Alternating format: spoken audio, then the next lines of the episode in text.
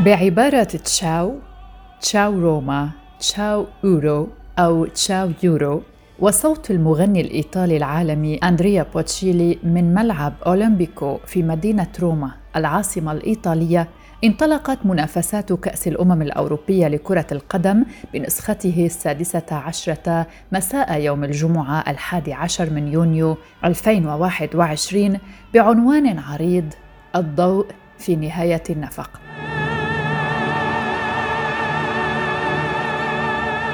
أهلا بكم في حلقة جديدة من بودكاست في عشرين دقيقة.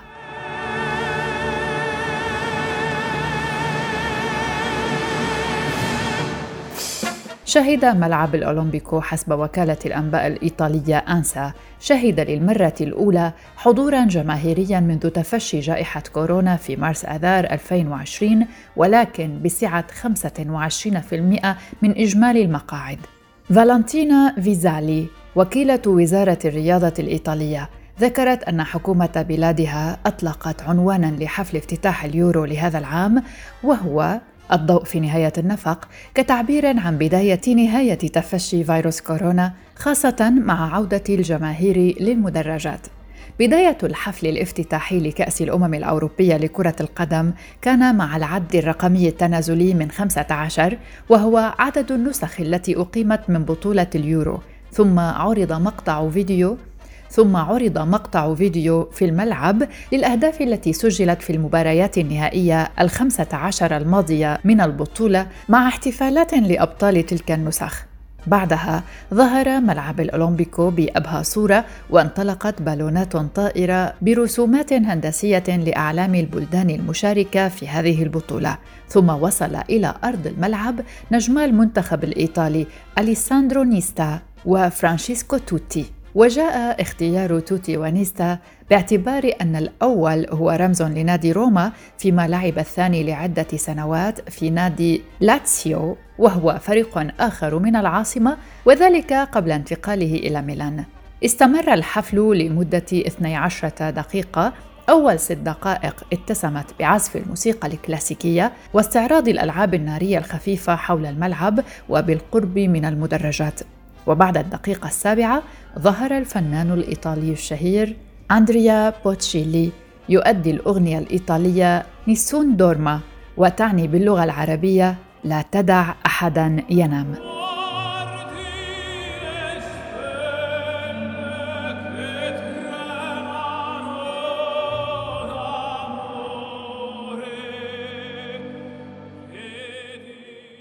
يذكر أن أندريا بوتشيلي عاشق لكرة القدم ولنادي ليستر سيتي الإنجليزي وسبق وقام بأداء أغنية خاصة في احتفالات فوز الفريق بلقب الدوري الإنجليزي الممتاز لأول مرة في التاريخ عام 2016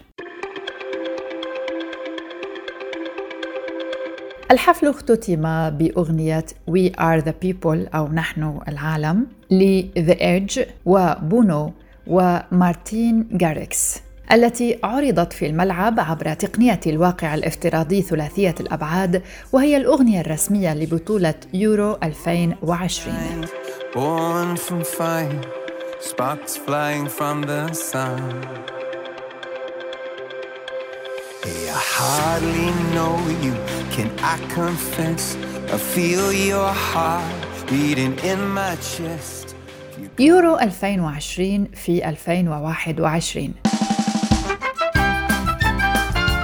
بسبب انتشار وباء كورونا في العالم سنة 2020 وإرجاء مختلف الفعاليات بما فيها الرياضية مراعاة للقيود التي تم فرضها في كل الدول للحد من هذا المرض أعلن الاتحاد الأوروبي لكرة القدم في السابع عشر من مارس آذار 2020 تأجيل مسابقة كأس الأمم الأوروبية عاماً واحداً مع الإبقاء على صيغتها وتسميتها الرسمية كأس أوروبا 2020 موزعة على عدة مدن أوروبية.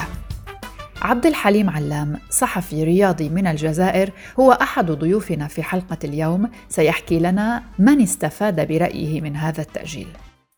آه، هناك كثير من المنتخبات التي استفادت أكيد من تأجيل اليورو لمدة عام كامل.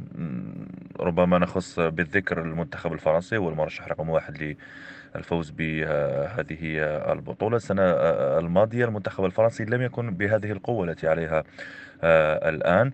الكثير من اللاعبين لم يقدموا أداء مميزا.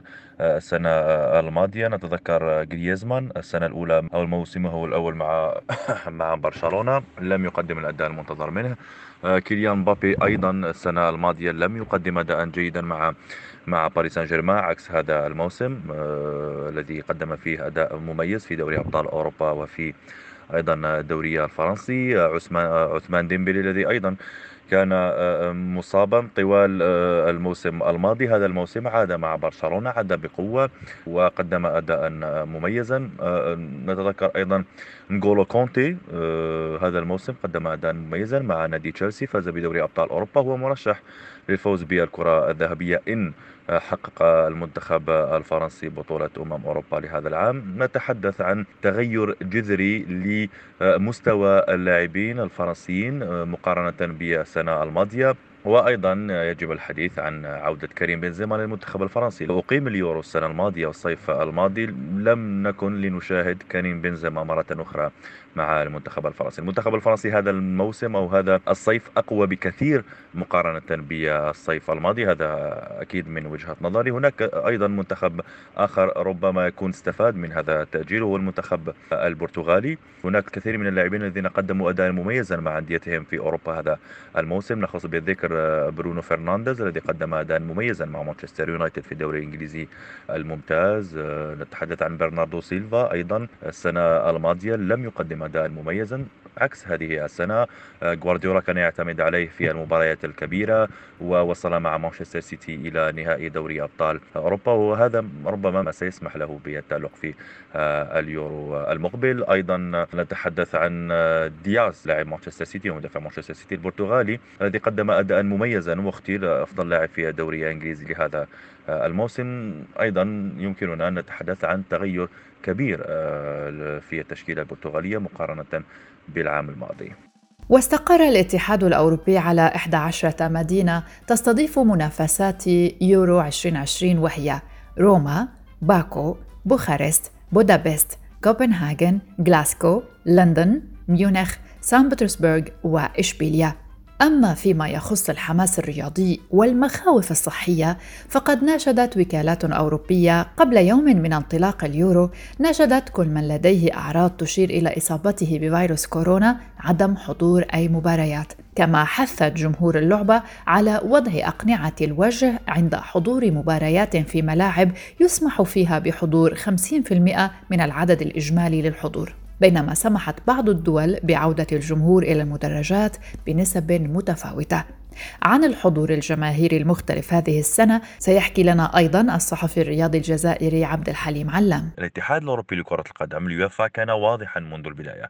الملاعب التي لا يمكنها استقبال الجماهير ستغير وسيتم نقل المباريات التي كان من المنتظر أن تحتضنها إلى مدن أخرى وهذا ما كان دبلن الأيرلندية. المباريات التي كانت ستحتضنها ذهبت إلى سان بيترسبورغ وأيضا تم تغيير ملعب أتلتيك بيلباو بملعب في إشبيليا. الحضور الجماهيري سيبدأ بتقريبا نسبة بين 25 إلى 30% في المباريات الأولى. المباراة الافتتاحية أيضا تقريبا 30% من الطاقة الاستيعابية لملعب آه، الأولمبيكو. وهناك حديث عن ربما ارتفاع في نسبة حضور الجماهير مع التقدم في الأدوار المقبلة. مثلا هناك سلطات روسية تحدثت عن 50% عن استقبال ملعب سان بيترسبورغ ملعب كريستوفسكي في سان بيترسبورغ ل 50% من الطاقة الكلية للملعب. الملعب تقريبا يستقبل نحو 60 إلى 70 ألف متفرج. سنشاهد تقريبا 30 إلى 35 ألف متفرج في ملعب سان بيترسبورغ والملاعب الأخرى ستتراوح أعداد الجماهير فيها ما بين 15 إلى 25 ألف متفرج. هي بداية جيدة لعودة الجماهير إلى الملاعب بعد تقريبا موسمين بدون حضور الجماهير في الملاعب. وربما كما ذكرنا سنشاهد إقبال أكبر مع وصول الأدوار المتقدمة. وخاصة نحن نتحدث على أن مباراتي النصف النهائي والنهائي ستقام على أرضية ملعب ويمبلي في لندن. ونحن نعلم أن بريطانيا أحازت تقدما كبيرا فيما يخص تلقيح المواطنين. ربما لما لا نشاهد أعداد كبيرة من الجماهير على الأقل في ثلاث مباريات الأخيرة لليورو. ستسمح بودابست بعودة الجمهور بصورة طبيعية كاملة بينما ستسمح سان بطرسبرغ وباكو بحضور 50% من القدرة الاستيعابية للملاعب. في حين ستسمح أمستردام وبوخارست وكوبنهاغن وغلاسكو وروما وإشبيليا بنسبة تتراوح ما بين 25 و 45% وستسمح ميونخ بحضور جماهيري محدود بنسبة 22% أما ملعب ويمبلي اللندني الشهير الذي ستقام فيه المباراة النهائية فسيسمح في البداية بنسبة 25% ويقدر المركز الأوروبي لمكافحة الأمراض والوقاية منها عدد الحضور الجماهيري في مباريات البطولة بنحو نصف مليون مشجع. وقال المركز في تقرير في حال تنظيم أحداث تتضمن تجمعات كبيرة مثل بطولة أوروبا لكرة القدم دون إجراءات كافية لاحتواء العدوى فإن مخاطر انتشار العدوى بكوفيد 19 على المستويين المحلي والأوروبي عامة بما في ذلك السلالات الجديدة سترتفع. وأضاف التقرير أي شخص لديه أعراض تطابق أعراض كوفيد-19 لا يجب عليه حضور أي مباريات أو أحداث بعد المباريات بغض النظر عن وضعه بالنسبة للتطعيم. وحثت تقرير السلطات في الدول الأوروبية على توفير الفحوص للجماهير بالقرب من الملاعب.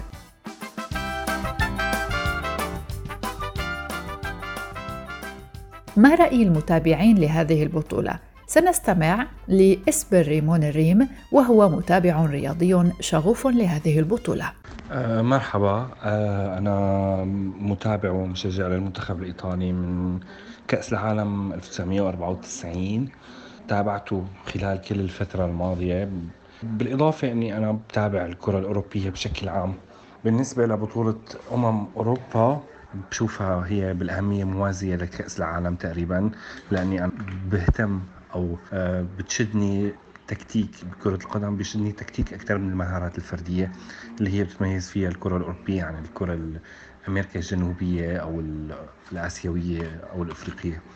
بشكل عام من خلال متابعتي للكرة الإيطالية سواء كمنتخب أو كأندية العلامة أو المحطة الفارقة كانت بالكأس العالم 2006 آه، وقت أخذته إيطاليا كان بطولة بألمانيا.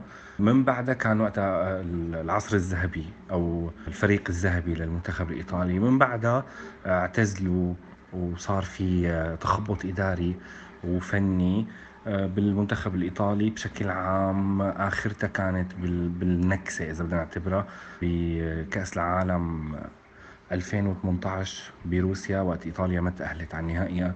بصراحة أنا ما ما كثير بميل تكتيكات أو أسلوب تدريب مانشيني آه بس آه الحقيقة إنه هو قدر يخلق توليفة مهمة من اللاعبين آه لا هن كلاعبين مهمين بأنديتهم ولهم وجودهم بس هو قدر يخلق فريق مهم. أنا كنت ناطر البطولة لحتى شوف نتائج هذا المنتخب سواء حقق البطولة أو لا فعلى ما يبدو رح يكون منتخب له وجود وهو رح يكون تحضير كأس العالم 2022 شكرا لكم. الحدث الأبرز الذي شهده اليوم الأول من البطولة كان حادث النجم الدنماركي كريستيان إريكسون لاعب وسط الدنمارك الذي وقع مغشيا عليه على أرض الملعب أثناء مواجهة فريقه لفريق فنلندا. سقط إريكسن فجأة مغشيا عليه على أرض الملعب دون الاحتكاك بأي لاعب وهرع زملاؤه لمعرفة ما أصابه قبل أن يتدخل الفريق الطبي على الفور ويحاول إسعافه. أما النجم الدنماركي سيمون كيير مدافع ميلان الإيطالي فقد قام بموقف بطولي بعد سقوط زميله. فبعد حدوث الوقعة ركض نحوه وأمسك برأسه ليتأكد من عدم ابتلاعه للسانه وقام ببعض الإسعافات الأولية السريعة لزميله قبل وصول الطاقم الطبي. كما طلب كيير من زملائه عمل ستار بشري حول إريكسون لمنع وصول الكاميرات إليه وهو في هذه الحالة الحرجة حرصا منه على مشاعر عائلته وجميع المشاهدين. وقد أشعل هذا الموقف ال social media بعبارات إنسانية وبكون ما قام به كيير درس في الإنسانية. أيضا ذهب اللاعب إلى زوجة إريكسون التي نزلت إلى أرض الملعب وقام بتهدئتها لحين نقل إريكسون إلى المستشفى من أجل إسعافه. اللاعب توقف لمدة تزيد عن عشر دقائق أثناء محاولة إسعاف اللاعب بينما سيطرت ملامح الرعب والقلق على لاعبي المنتخب والجماهير الحاضرة في مدرجات الملعب خوفا على سلامة إريكسون. وبعد أن فشل الطاقم الطبي في إفاقة اللاعب تحرك فريق الإسعاف باللاعب لنقله إلى أحد المستشفيات من أجل إنعاشه. وأعلن الاتحاد الأوروبي لكرة القدم لاحقا استقرار حالة اللاعب بعد نقله إلى المستشفى كما قرر استكمال ما تبقى من عمر المباراة بناء على طلب اللاعبين. ضيفنا القادم هو الإعلامي والصحفي المصري أحمد درويش سيحكي لنا عن حادث النجم الدنماركي. بالنسبة للحادث المأساوي المؤسف النجم المنتخب الدنماركي كريستيان ريكسون ده طبعا حادث هز العالم كله حادث خلى العالم كله يتحد في موقف إنساني داعم للاعب كاد أن يفقد حياته في لحظات لكن إرادة ربنا طبعا وشفنا الإنقاذ السريع والدعم الطبي الرائع سواء من المنتخب أو سواء من إسعاف الملعب. ده يقول لك قد إيه العناية والاهتمام الطبي كان موجود وساعد في إنقاذ حياة اللاعب اللي كاد أن يفسد البطولة كلها آه، في بدايتها. الحادث المأساوي للنجم الدنماركي أعاد لضيفنا ذكريات مشابهة على ملاعب مصر سابقا. طبعا شفنا قبل كده مواقف مشابهة عندنا في مصر هنا بمثل هذه الحادثة توفى محمد عبد الوهاب لاعب منتخب مصر ولاعب النادي الأهلي آه، في موقف مشابه. ثم بعد كده شفنا آه، مارك فيفيان فوي لاعب منتخب الكاميرون تعرض لنفس الموقف ولكن ما كانش فيه إسعافات طبية سريعة وفقد آه، عبد الوهاب حياته وفقد مارك فيفيان فوي الكاميروني حياته. لكن خلينا نشيد بالإنجازات الطبية الموجودة في البطولة. الصحفي المصري أحمد درويش لديه ملاحظة صغيرة على مباريات الفرق الكبرى وعن إجهاد اللاعبين. وخلينا بس نقول إن الاتحاد الأوروبي أو الفيفا عليه مراجعة النظر في ضغط المباريات اللعيبة في أوروبا بتلعب من 50 ل 70 ماتش في في السنة ما بين منتخبات ما بين مشاركات في دوريات ما بين آه، بطولات دوري أبطال أوروبا. فده عدد كبير جدا جدا وبقى بيسبب ضغط وإرهاق شديد جدا جدا. فده محتاج إعادة نظر من آه، الاتحاد الدولي والاتحاد الأوروبي في هذا الكم الهائل من المباريات. أشكركم جدا. وختامها مسك مع الزميلة السابقة الصحفية الرياضية لوتس الزعبي ستحكي لنا عن حظوظ المنتخبات المشاركة في الفوز في البطولة وعن مجموعة الموت. عندنا 24 منتخب مشارك المجموعة السادسة بالبطولة سميت بمجموعة الموت لوجود فرنسا والبرتغال وألمانيا ضمن نفس المجموعة. عندنا أكثر أكثر من منتخب مرشح للفوز. آه، المنتخب الفرنسي كونه أكثر تكاملا. المنتخب البرتغالي آه، هو صاحب لقب النسخة القديمة آه، بوجود مدربه سانتوس وبوجود لاعبين ككريستيانو رونالدو وفرنانديز وآخرون. عنده حظوظ كتير كبيرة. عندنا منتخب الإنجليزي يلي كان هو صاحب أقوى خط هجوم بمرحلة التصفيات ولاعبينه أيضا يعتبروا من اللاعبين الأغلى سعرا تسويقيا بالبطولة. آه، عندنا منتخب بلجيكا اللي دايما بيفاجئنا عنده حظوظ كتير قوية وكان أيضا آه، صاحب أقوى خط دفاع ما تلقى غير ثلاثة أهداف بمرمى آه، منتخب إسبانيا أيضا مرشح بالرغم من وجود حالتين كورونا ضمن اللاعبين بس بيبقى له حظوظ. وأخيرا عندنا المنتخب الألماني اللي أنا شخصيا بشجعه كوني بشتغل ضمن المجال الرياضي. المنتخب الألماني أيضا عنده حظوظ. كان طريقه خلينا نقول سهل نسبيا نحو اليورو. تصدر المجموعة الثالثة وما تلقى غير خسارة وحيدة أمام هولندا. وعنده عدة أسلحة آه، قادرة أنه توصله لمكان بعيد في البطولة. هدول أكثر المنتخبات اللي مرشحة للفوز باللقب. طبعا كله بيبقى رهن القادم بالمباريات ما فينا نعتمد بشكل كلي على مرحلة التصفيات. هلا المباريات كفيلة يعني أو خلينا نعتبر المباريات الأولى حتكون كفيلة لتتبلور الأمور بشكل أكبر. نتمنى طبعا التوفيق لكل المنتخبات. بدي أوجه لكم تحياتي لراديو الآن. شكرا كثير لكم. هذه كانت حلقة من بودكاست في 20 دقيقة. شاركتني في إعدادها الزميلة الصحفية صديقتي يلا فهد. كنت معكم براء صليبي. شكرا لكم لحسن الاستماع. إلى اللقاء.